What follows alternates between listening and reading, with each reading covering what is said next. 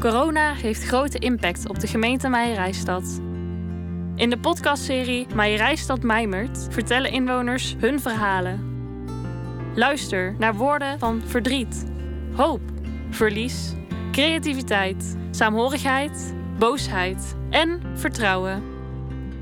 De presentator van vandaag, Nienke Habraken. Mijn naam is Nienke Habraak. Ik zit hier vandaag met Marie-José. Uh, goedemiddag, hoe gaat het? Ja, het gaat uh, gelukkig uh, weer een beetje de goede kant op. Het zonnetje schijnt. En vorige week positieve berichten gehad. Dus ik voel me nu weer even wel oké. Ja, want het ging een tijdje wat minder. Want u heeft eierstokkanker.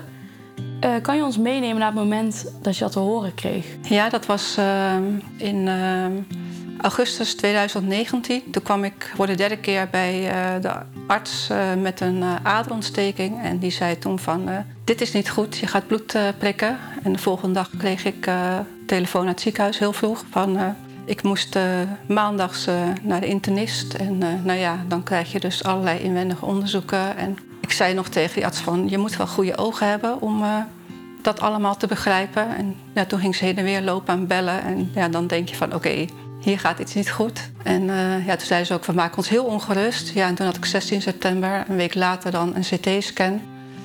En uh, ben samen met mijn zoon geweest. En we gingen weer naar huis, we gingen koken, want iedereen kwam eten. En uh, ja, toen had ik heel veel oproepen gemist van het ziekenhuis. En ik moest met spoed terug naar het ziekenhuis, want ik moest me heel erg ziek voelen en benauwd zijn. En ja, het enige wat ik voelde was dat ik wel een beetje conditietekort had.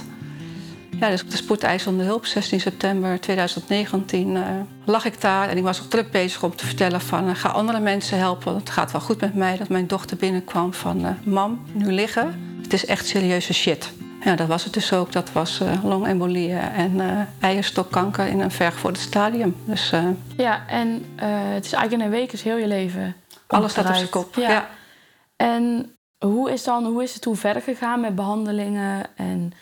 Uh, hoe hebben ze het opgepakt in het ziekenhuis? Ja, ik ben in Bernhoven begonnen op de spoedeisende hulp. Daar moest ik toen ook uh, s'nachts blijven. En een week later ben ik met mijn kinderen en schoonzoon uh, naar de gynaecoloog geweest. En zij zei van, ja, dit is gewoon ernstig. Ik kan jou hier verder niet helpen. Dus ehm, ik verwijs je door naar het Radboud. Ja, daar had ik 27 september de eerste afspraak op met de kinderen bij de gynaecoloog. Ja, en dan moet je een hele traject door van... ze moeten puncties nemen van de tumoren en dat was op 3 oktober. toen kreeg ik koorts en toen moest ik weer blijven in het ziekenhuis. Mocht ik weer niet naar huis. Dus dat is allemaal echt... Uh, ja, er gebeurt zoveel. Ja.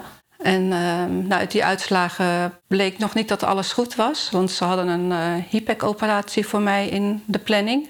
Maar dan moet je wel aan heel veel voorwaarden voldoen voordat je daar uh, in kan. Dan mag in ieder geval boven het middenrif geen uitzaaiingen zijn. En in die punctie hadden ze iets gezien in de lymfeklieren bij de longen. Dus 15 oktober kreeg ik een nieuwe punctie. En uh, nou ja, dat bleek gelukkig goed te zijn. Ja, dan ga je bloed prikken en van allerlei onderzoeken. En dan kom je bij de oncoloog. 7 november lag ik aan mijn eerste chemokuur. dus ja, dat gaat zo snel, snel. zoveel. Ja. En je gaat ook zoveel dingen regelen. Naar de, ik ging naar de kapper voor een pruik aan te meten in die tijd. Ehm, mutsjes kopen, kijken of er... Ehm, huishoudelijke hulp kon komen als ik die operatie had, want dan mocht ik zes weken uh, niks doen. Dus je bent echt in regelmodus om er maar niet heel veel mee bezig te zijn. En uh, ja, dus 7 november uh, mijn eerste chemo. En uh, nou, toen kwam ik s'avonds thuis en ik was net een stuiterbal. Echt twee dagen lang echt, nou, het was echt niet normaal hoeveel energie. Maar je zit natuurlijk zoveel medicatie. Ja, ze hadden wel gezegd met deze chemo, dan kun je wel heel snel kaal worden. Dus na tien dagen stond ik onder de douche en dacht ik van, oeh, ik heb uh, haren in mijn handen, dat is niet fijn. Nou ja, je hebt, Best eng ook lijkt me, dat je ineens... Ja, het is wel even, je weet het. En het is ja. wel raar als het dan echt in je handen zit. Na drie weken zou ik weer de tweede chemo krijgen, maar je krijgt natuurlijk elke keer wel bloedcontroles of dat goed is. En ehm, even kijken, had ik volgens mij 28 op 27 november had ik de tweede chemo. Dus toen ben ik twee dagen ervoor naar de kapper gegaan van ja, haal het er maar af. En uh, ze zei van, oh, je hebt je tissues, als je moet huilen, laat het gaan. En ja, ik, ik was zo in de overleefmodus, ik heb echt geen ja. traan gelaten. Ik dacht van, oh, dat is wel fijn, nooit geen bed hair meer. Ja. dus uh, ja, en, de tweede chemo die ging op zich ook wel goed. Alleen het aanprikken duurt af en toe heel lang bij mij. Dat ging vaak wel mis. Of we moesten vijf keer prikken. En ik kreeg op een gegeven moment ook een allergische reactie van de chemo. Dus dan, ja, komt daar ook nog bij. Ja, dus dan wordt alles vertraagd en dan moet je wachten. En dan gaan ze op een ander chemo. Want het moest van mij moest het er gewoon in. En ze zeiden van we kunnen ook met andere chemo, maar die zijn minder zwaar. Of tenminste, misschien helpen die wat minder. Maar ja, voor mij moest die er gewoon in. Maar dan uh, plannen ze er gewoon twee uur aan en dan loopt hij heel langzaam. En uh, ja, dat ging nog redelijk goed. En ook toen ik thuis kwam was ik weer redelijk actief. En uh, op 5 december ben ik met een vriendin van mij naar een bos gegaan. We hebben heerlijk zitten lunchen. Ik heb echt zitten schransen. dat had ik wel na de chemo. Ik wilde alleen maar eten. Alleen maar lekkere dingen eten. Ik had heel veel trek. En s'avonds ben mijn dochter en de kleintjes Sinterklaas gaan vieren. En ik was daar net nou, ik denk een half uur binnen. En we, hebben, we hebben daar nog gegeten. Ging ik cadeautjes uitpakken. En ineens van het een op het andere moment werd ik gewoon echt heel erg ziek of zo. Ik kreeg koorts en ik voelde me niet lekker. Dus ik zei van, ik ga naar huis. Ja, toen kwam mijn dochter de volgende dag. Toen zei ze, mam, ik heb er echt nog nooit gezien... dat jij al in de huiskamer al je kleren uitgedaan hebt. Maar ik was echt heel ziek.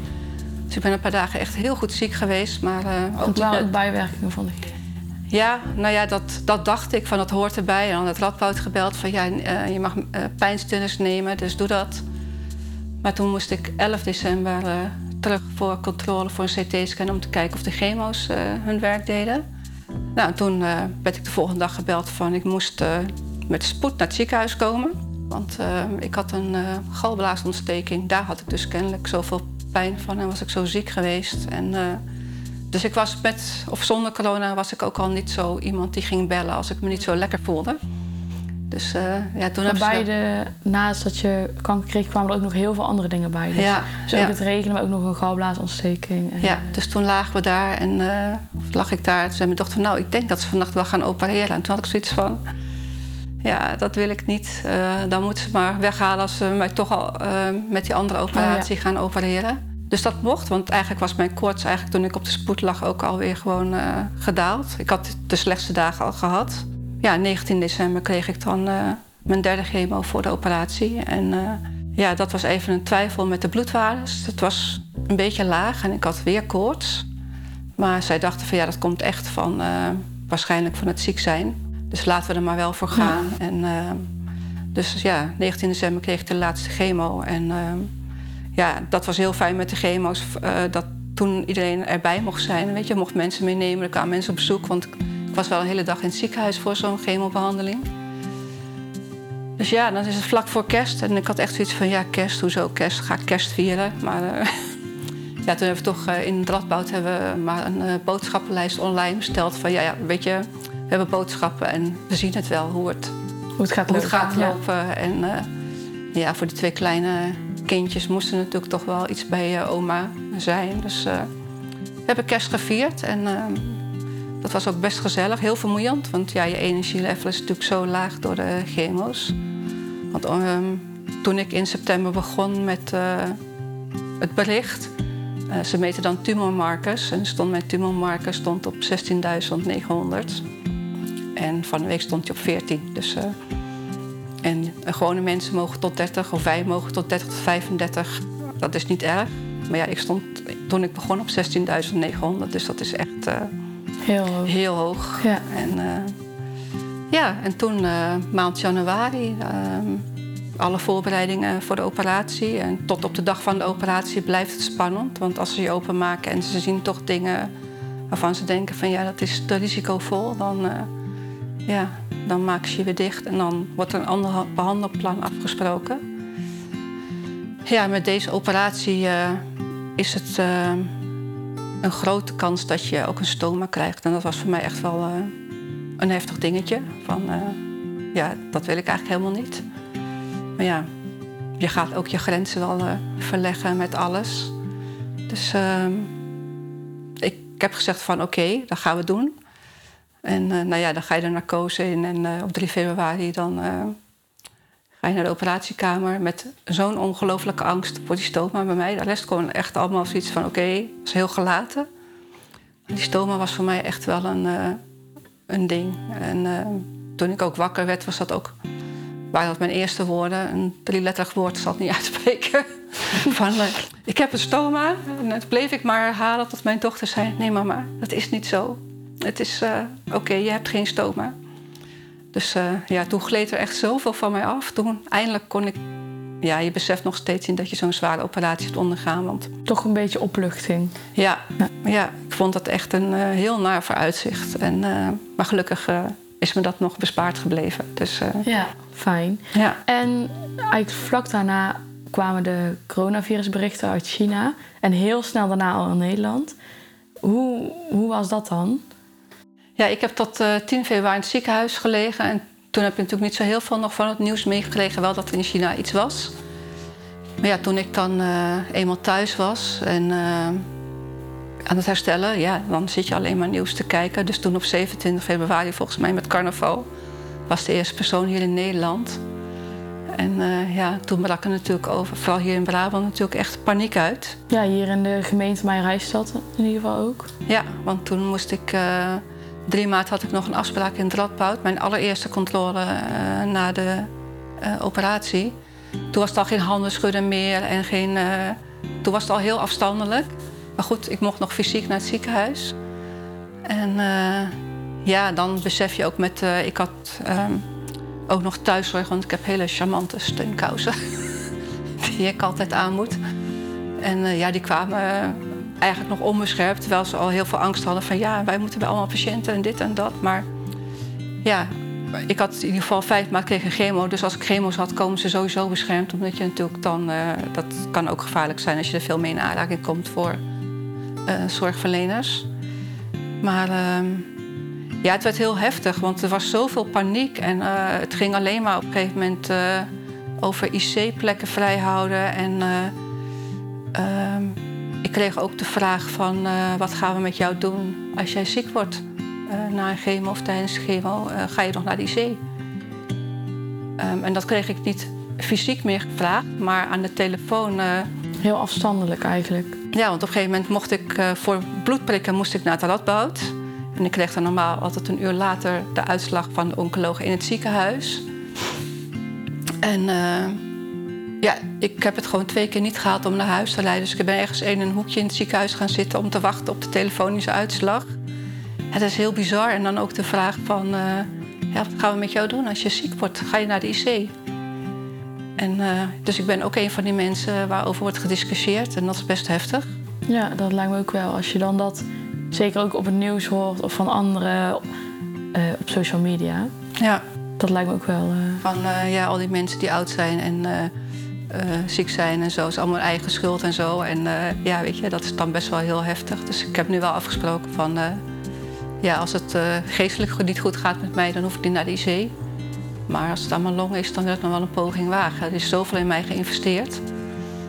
Maar ja, ik zit eigenlijk vanaf het moment dat ik uit het ziekenhuis ben van 10 februari, zit ik eigenlijk opgesloten in mijn huis. Ik ga echt dagelijks mijn uh, rondje lopen. Um, ik doe bij de lokale ondernemers mijn boodschapjes één of twee keer in de week. Uh, supermarktboodschappen doen mijn kinderen meestal. En, uh, ja, dus de angst zit er wel in. Ja, ja. ik ben heel erg bang. Ook, ehm, ik krijg niet heel veel bezoek meer, zeker niet na de laatste lockdowns. Ehm, ja, ik ben ook heel bang als iemand met mij wil lopen. Dan wil ik die afstand houden, maar mensen komen eigenlijk heel dicht naast me lopen. Al snel komen ze dichtbij. Ja, en het ging natuurlijk alleen over het coronavirus. Maar er zijn ook anderen, zoals u, die ook gewoon ziek zijn, die hulp nodig hebben in het ziekenhuis. Was u ook dan bang om te bellen als u een keer zich niet lekker voelde? Of, uh... Ik bel nog steeds niet. Nee? En uh, heeft u daar ook over gehad met artsen of met familie, hoe dat dan... Ja. Hoe gaat dat dan verder? Ja, ik heb, het, uh, ik heb gelukkig uh, een uh, hele fijne psycholoog. En ehm, daar ben ik al, voordat ik ziek werd, was ik daar al onder behandeling. Dus met traumaverwerking en EMDR. En op een gegeven moment moesten wij beeld bellen. Maar gelukkig had ik wel al een psycholoog. Dus echt heel fijn geweest. En we hebben hier aan deze tafel ook een EMDR gedaan voor mijn laatste chemo. Omdat ik zoveel angst had voor de chemo. Omdat ik in die ene laatste chemo een hele heftige allergische reactie gehad. En ja, wij moesten ook alleen naar de chemo als je wordt afgegooid bij het ziekenhuis. En uh, ja, tot vanavond of uh, ja, weet je. En, uh, dus ik durfde niet op die rode knop te drukken, want je weet dat ja, al die zorgverleners werken allemaal zo hard. En Nou, dan lig je daar in het, in het bed en dan zie je dat ze iemand anders aan het prikken zijn. En daar wordt een infuus aangelegd. En ik dacht van, ik kan nog denken, ik kan nog denken. Dus het valt nog wel mee. Maar ondertussen zat mijn hart ja. helemaal hier. En ik was echt enorm benauwd. Dat ze zich omdraaiden en dat ze ook echt wel zagen van... oh, hier gaat het echt niet goed. Dus ik had zo'n angst om die laatste chemo nog te doen. Dus we hebben hier aan tafel EMDR gedaan. En die heeft echt supergoed geholpen bij mijn laatste chemo. Dat ik echt uh, heel erg goed terug kon... echt naar een veilige plek kon brengen in mijn hoofd. Van, dus ja, ik ben heel blij dat ik mijn psycholoog al had. En ook, ja, ik had ik heb een fysio, maar goed, fysio mocht niet meer tot 11 mei. Het hele nazorgtraject stond ook... Moest het echt zelf doen. Ik ging elke dag wandelen en dan deed ik mee met Nederland in beweging. Dan denk je van, oh, dat is bejaardengym. Nou, dat was best heftig. ja. En uh, ja, dat is heel vervelend. Uh, mensen met covid krijgen gelijk fysio. Die mochten... Uh, die mochten nog wel gewoon gaan. Ja, en ja, ik niet. Dus ik ben in september begonnen bij mijn dochter met sporten, maar dan gewoon op eigen initiatief. En toen gingen wij een spierkrachtmeting doen. En toen had ik de leeftijd van iemand van 91. Gewoon omdat ik eigenlijk al die maanden gewoon. nou ja, weet je, ik had gewandeld. Ik was elke dag buiten en, en je thuis wel dingen gedaan. Maar dat is dan toch niet goed genoeg om fit te worden in je spieren. Mijn conditie was gelukkig ook wel redelijk oké. Ja, in september ben ik dan begonnen met uh, uh, sporten, uh, twee tot drie keer in de week. Dus 14 december gingen we meten en toen was ik weer terug op 61-jarige leeftijd. Dus dat echt gewoon veel resultaat. Ja. En toen was s'avonds de derde lockdown en die heeft er echt enorm ingehakt van alle sportscholen dicht. En omdat ik het op eigen initiatief deed, mocht ik dus ook niet meer sporten. Nou heb ik dat gelukkig sinds eind januari via mijn arts in Radboud. Mag ik nu wel sporten. Maar goed, ik was weer teruggevallen tot 83 in mijn spierkracht. Dus kun je nagaan hoe belangrijk het is. En er wordt gewoon door de politiek overheen gewalst. Van uh, alleen de COVID-patiënten mogen, maar alle andere ja, mensen mogen niet. revalideren en de rest wordt eigenlijk nou ja, een beetje aan de kant geschoven. Dan ja. het een beetje. En dat zit dan ook niet in, het, uh, ja. uh, in, in, in de zorgverzekering, weet je wel. En nou kan ik het gelukkig hebben. Maar heel veel mensen, ja, ik vind het gewoon echt heel onterecht wat er in de politiek nu allemaal wordt, wordt geregeld. Ja. ja. en heeft die angst voor dan ook mensen zien om te bellen uh, ook ervoor gezorgd dat je alleen voelde? Ja, eenzaamheid is echt uh, heel heftig. Um, vooral nu in het ziek zijn. Ik heb natuurlijk ook geen partner. Ik heb heel veel lieve mensen, maar niemand durft mee te komen, of bijna niemand meer. Maar ja, dat lijkt me ook spannend, inderdaad, als familieleden of vrienden om je wil ook niet dit hier binnenbrengen. Nee, maar dat is wat iedereen zegt van... Ja, uh, ja ik wil je niet aansteken en uh, ik wil je niet ziek maken. En ik denk van ja, wat zegt iedereen, weet je wel? Ik kan ook af en toe heel gefrustreerd reageren. Dan ja. Van, ja, zegt iedereen? Zeg gewoon dat je geen zin hebt om te komen of zo. Maar het is helemaal niet aardig, weet je. Um, maar dat is wel... Op een gegeven moment is het wel frustrerend. In, in jouw frustratie ja. zeg je af en toe dingen die ik ooit ook wel even terug moet draaien. Over ook dat ik een tweederangs patiënt was. Ik heb toen naar het Radboud uh, gemaild naar mijn case manager. En binnen een kwartier had ik al aan de lijn. En uh, hebben ze wel wat vaker contact met mij gezocht. Omdat ik geen contact zocht met het ziekenhuis. Maar je moet het wel allemaal zelf uh, Initiatief nemen. aangeven. En ik vind dat heel moeilijk om hulp te vragen. En weet je, en al die beelden die je zag van hoe lief de maatschappij is. Van nou, daar heeft hier nog niemand een pannetje soep op mijn stoep gezet hoor. In het jaar dat ik ziek was van de beurt. Mijn kinderen wel, maar goed, mijn zoon woont in Utrecht. En mijn dochter heeft hier in Veghel een gezinnetje. En uh, werkt, dus ik kan ook niet continu hier omdraaien. Maar uh, ja, het is heel eenzaam. Het is echt heel eenzaam. En hoe ben je dat eigenlijk een beetje tegengaan? Heb je bijvoorbeeld nieuwe hobby's gezocht of heb je... Ja, want je hebt ook inderdaad het, het, je hele traject, het hele verhaal vastgelegd in een soort van scrapboeken. Ja. Met je kleinkinderen dan? Ja, vooral met mijn kleindochter foto's gemaakt. En die komen dan hier ook knutselen bij oma ja, dat zijn de enige twee die ik heel af en toe uh, wel beetpak. Of uh, ja, hoe kun je een kindje van twee afwijzen van ik ga jou niet knuffelen. En mijn kleindochter, die heeft altijd voor me twee handen wassen, handen poetsen. En dan, maar die, vinden, die missen dat ook, weet je wel, dat, dat contact. Wat heb je hen ook lang niet gezien dan? Ja, in het begin was het natuurlijk in de auto en dan... ik moest af en toe, ik hou heel erg veel van koken, maar het kost heel veel energie. Maar af en toe dan deed ik dan voor mijn eh, kinderen. Of dan belde ik van, eh, nou, er staat een pansoep eh, klaar. Dus als je wil, kom maar halen. En dan staat het kindje in de auto en dan kon je zo zwaaien. Maar wel op afstand al. Op afstand, ja. Dus pas sinds kort we echt dat je ze echt kan aanraken en Nou knuffelen. ja, 2 juni kreeg ik eh, de eerste controle naar de laatste chemo. En dat was via beeldbellen. Dat is natuurlijk heel raar, zo'n Oh ja. spannende controle. Dat, eh, toen was mijn dochter hier met eh, mijn kleindochter en mijn zoon. En toen heb ik gevraagd, mag ik alsjeblieft nu knuffelen, want het is zo goed nieuws. Ja. En dat mocht. Dus sindsdien Fijn. pak ik ze wel even vast. Ja, Alleen mijn kinderen niet, maar wel die twee kleintjes. Ja. En dan ga je gewoon gezellig knutselen en... eh, Ja, ja, af en toe wel. Ja. Of, eh, even gewoon, eh, maar ik ben aan het haken en aan het breien en aan het schrijven. Ik wil lezen, maar dat, ja, ik heb gewoon de concentratie van... ik weet niet van wat, maar heel weinig. ja. Dus ja, je moet wel bezig zijn. En ik probeer wel gewoon nu af en toe wel... Ik kook wel elke dag voor mezelf. Maar ik vind echt uitgebreid koken leuk. Dus ik ben daar een beetje, als ik een goede dag heb, ook aan het doen. En, Want je eh, bent nog steeds wel heel moe. Ja. En eh, met je spieren heb je dan heel veel last. Ja, ik heb heel veel last van mijn spieren en mijn botten. En ben eh, ehm, ook onder behandeling bij de reumatoloog. Want de chemo heeft echt niet zo heel veel goed gedaan. En ehm, ja, ik heb zoveel punten per dag om eh, te verbruiken. En eh, als ik aan die punten zit, dan eh Dan is het klaar. dat is klaar. Ja. En ehm, wat zijn bijvoorbeeld activiteiten die te zwaar zijn dan om te doen? Kan je bijvoorbeeld wel stofzuigen of ben je dan ook echt al... Nee, ik heb gelukkig nog eh één keer in de week eh, krijg ik eh, hulp voor de zware dingen. En ik probeer het wel, maar eh, ja, dan is het gewoon eh, ook na tien minuten ook klaar. En eh, het is heel... Ja, ik, ik zie er niet ziek uit en dat is voor mensen natuurlijk heel lastig. Maar je, ja, je fysiek en je energie is echt eh, nog heel weinig. Maar goed, ik heb ook heel veel geluk gehad. Dus, Ja. En ik heb ook echt wel mooie dingen hebben. En zeker in het begin van het ziek zijn. Ja, toen er nog geen corona was, was er natuurlijk veel meer aanloop, veel meer gedoetjes. Maar ik weet ook wel dat de gynaecoloog na de operatie tegen mij zei van... eh, als je je laatste chemo hebt gehad, dan denkt iedereen dat je beter bent. Maar dan begint het pas. Nou, dat is echt zo. Dat begon ook echt pas. En nu met corona, heftig. Heel heftig. Want waar heb je nu dan bijvoorbeeld heel veel moeite mee? Is het nog steeds wel echt Ja, het alleen zijn. of- eh, mensen zeggen van ga leuke dingen doen. Ja, ehm, de onzekerheid, dat, dat ik niet weet hoe lang ik nog mag leven. Voor hetzelfde geld ben ik er over tien jaar nog. Maar er is geen zinnig woord over te zeggen.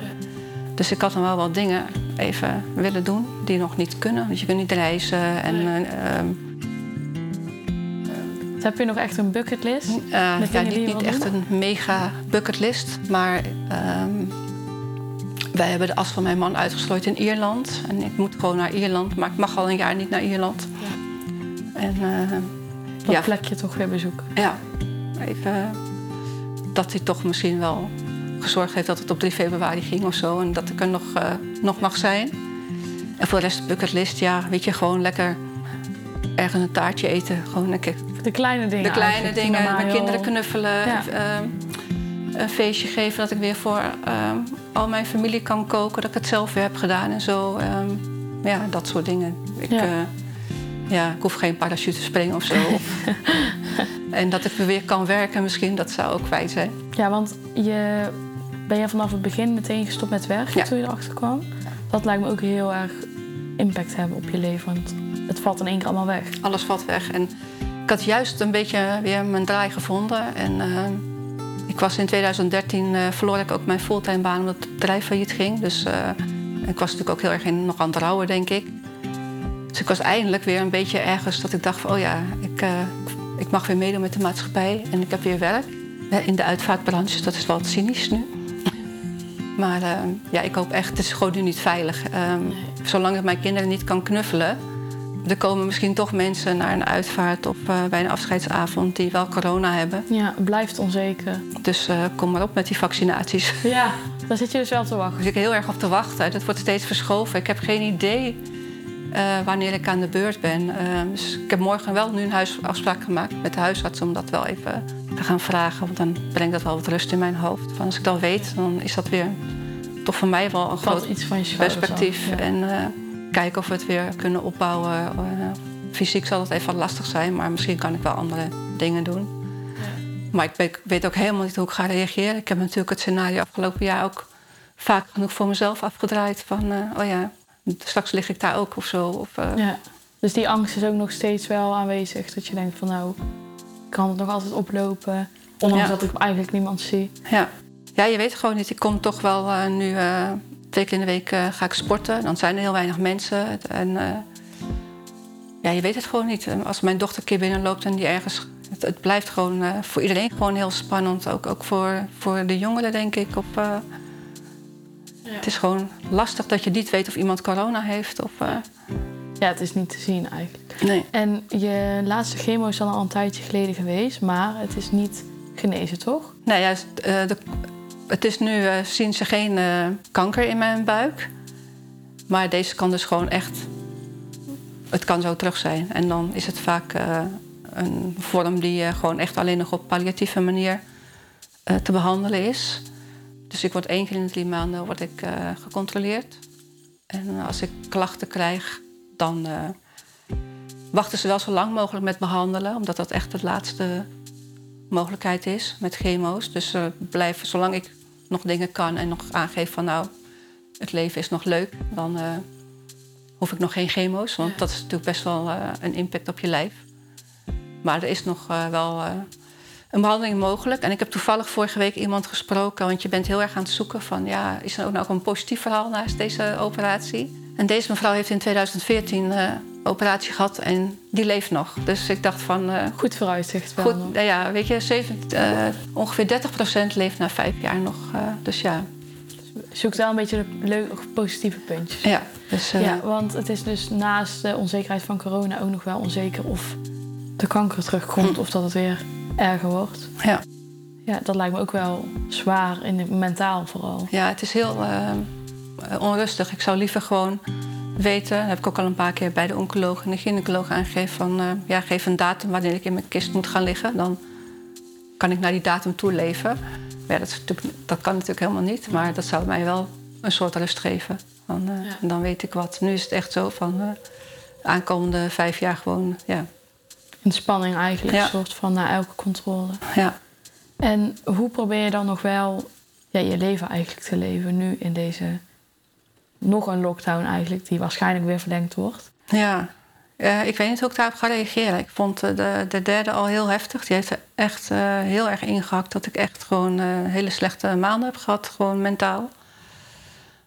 Maar ja, nu met het zonnetje. Ik liep vanmorgen al vroeg buiten en dacht van, oh, dat is ook wel weer heel erg lekker. Dus ik hoop dat ik weer. daar weer een beetje lol uit kan halen. En dat we de tuin straks weer een beetje de bloemetjes in bloei komen en zo. En ja, ik hoop echt dat eh, ja, die vaccinatie is voor mij echt wel eh, mijn houvast even. Als ik dan straks twee keer gevaccineerd ben, Dan voelt het beter. dan voelt het beter. Ja, dan eh, hoop ik dat er een beetje onrust uit mijn hoofd gaat. Ja.